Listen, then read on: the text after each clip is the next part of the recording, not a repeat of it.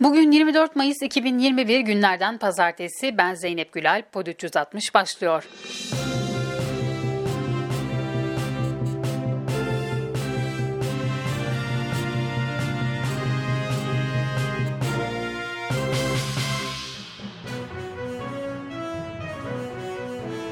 Türkiye'de gündem Sedat Peker'in açıklamalarına kilitlendi. Peker'in son video kaydında ortaya attığı iki iddia sosyal medyada çok konuşuldu. Peker, Uğur Mumcu şehit ediliyor, yanına ilk gelen kim, katil en önce gelir Mehmet Ağar iddiasında bulundu. Bu iddia üzerine Uğur Mumcu'nun eşi Güldal Mumcu açıklama yaptı. Mumcu, senelerdir Uğur Mumcu cinayetinin aydınlatılması için kim ne biliyorsa anlatsın. İşin ucu kime dokunuyorsa dokunsun dedik. Bu görüşümüzü korumaya devam ediyoruz. Çekin tuğlaları yıkılsın, duvar altında kim kalırsa kalsın dedi.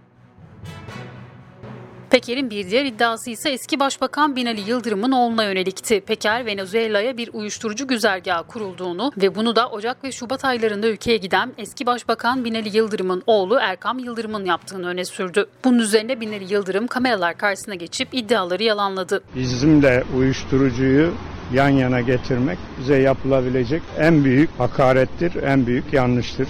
Oğlum Venezuela'ya gitmiştir. Orada bahsedildiği gibi Ocak'ta, Şubat'ta değil, geçen sene Aralık ayında gitmiştir ve beraberinde de Covid'de mücadele amacıyla orada ihtiyaç sahiplerine test kiti, maske gibi bir takım malzemeler götürüp dağıtmıştır. CHP sözcüsü Faik Öztrak da konuyu değerlendirdi. Venezuela'ya maske ve test kiti taşıma görevini oğlunuza kim verdi? Resmi heyetle Venezuela'da nasıl denk geldi? Madem yardım yapılacaktı, vaka sayısı Venezuela'nın dört katı olan Filistin'e neden yardım etmediniz? Memleket Partisi Genel Başkanı Muharrem İnce ise itiraflar ve iddialar Susurluk kazasından daha vahim dedi. Susurluk'taki kazadan sonra devlet vardı. Devlet çalışmıştı. Mekanizma işlemişti. Şimdi işlemiyor. Devlet yok ortada. İşlemiyor ya da işlettirilmiyor. Harekete geçen bir savcı yok. Cumhuriyet savcıları neredesiniz?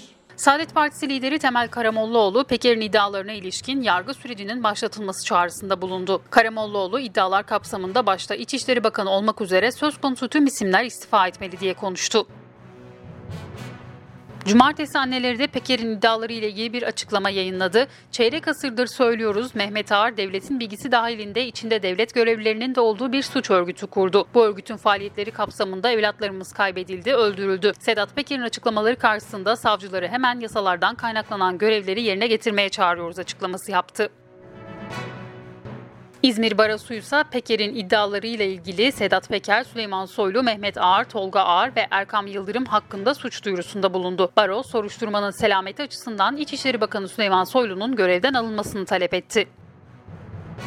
CHP Süleyman Soylu'nun dile getirdiği Sedat Peker'den ayda 10 bin dolar maaş alan siyasetçinin kimliğinin açıklanması için Meclis Başkanı Mustafa Şentop'a başvuruda bulundu. Pençe Yıldırım Harekatı kapsamında görev yapan uzman onbaşı Eyüp Gergin şehit oldu. Çin'den getirdikleri kişileri kullanarak yasa dışı sanal bahis sitesi kurup milyonlarca lira vurgun yapan çoğunluğu Çinlilerden oluşan çeteye operasyon düzenlendi. Çetenin sahte kripto parada sattığı öğrenildi. Şüpheliler adliyeye sevk edildi. CHP Edirne İl Başkanlığı'nın 128 milyar dolar nerede afişinin savcılık kararıyla kaldırılmasına ilişkin itirazı mahkeme tarafından kabul edildi. Afiş CHP Edirne İl Başkanlığı'na yeniden asılacak. Soma'da 301 işçinin hayatını kaybettiği maden faciasına ilişkin yeniden görülen davada bugün ikinci duruşma günüydü. Duruşmada avukatlar yeni bilirkişi raporunu talep ederek reddi hakim talebinde bulundu.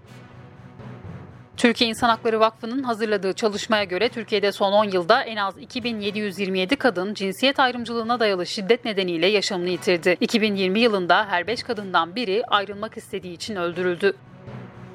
Rusya Dışişleri Bakanı Sergey Lavrov'dan Türkiye'ye uyarı niteliğinde bir mesaj geldi. Türk meslektaşlarımıza durumu itinalı bir biçimde analiz etmelerini, Ukrayna'nın militarist düşüncelerini desteklemeyi bırakmalarını her düzeyde tavsiye ediyoruz dedi. Lavrov, Ukrayna'nın Kırım konusunda agresif girişimlerini cesaretlendirmenin Rusya'nın toprak bütünlüğüne kastetmekle eşdeğer olduğu görüşümüzü Türk meslektaşlarımıza son derece açık bir biçimde iletiyoruz ifadelerini kullandı.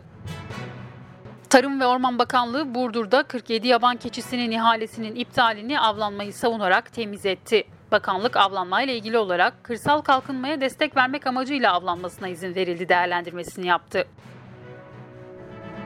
Türk Tabipler Birliği Başkanı Şebnem Korur Fincancı, KESK ve Eğitim Sen yöneticileri İkizdere'deydi. İkizdereliler Fincancı ve sendika yöneticilerine dert yandı. Burada başka bir rantı var yani. Burada taş değil yani. Bunun maden mi var ne var bilmiyorum. Halkını bu insan bu kadar zulüm yapmaz. Bu haberle Pod 360'ın sonuna geldik. Yarın tekrar görüşmek dileğiyle. Hoşçakalın.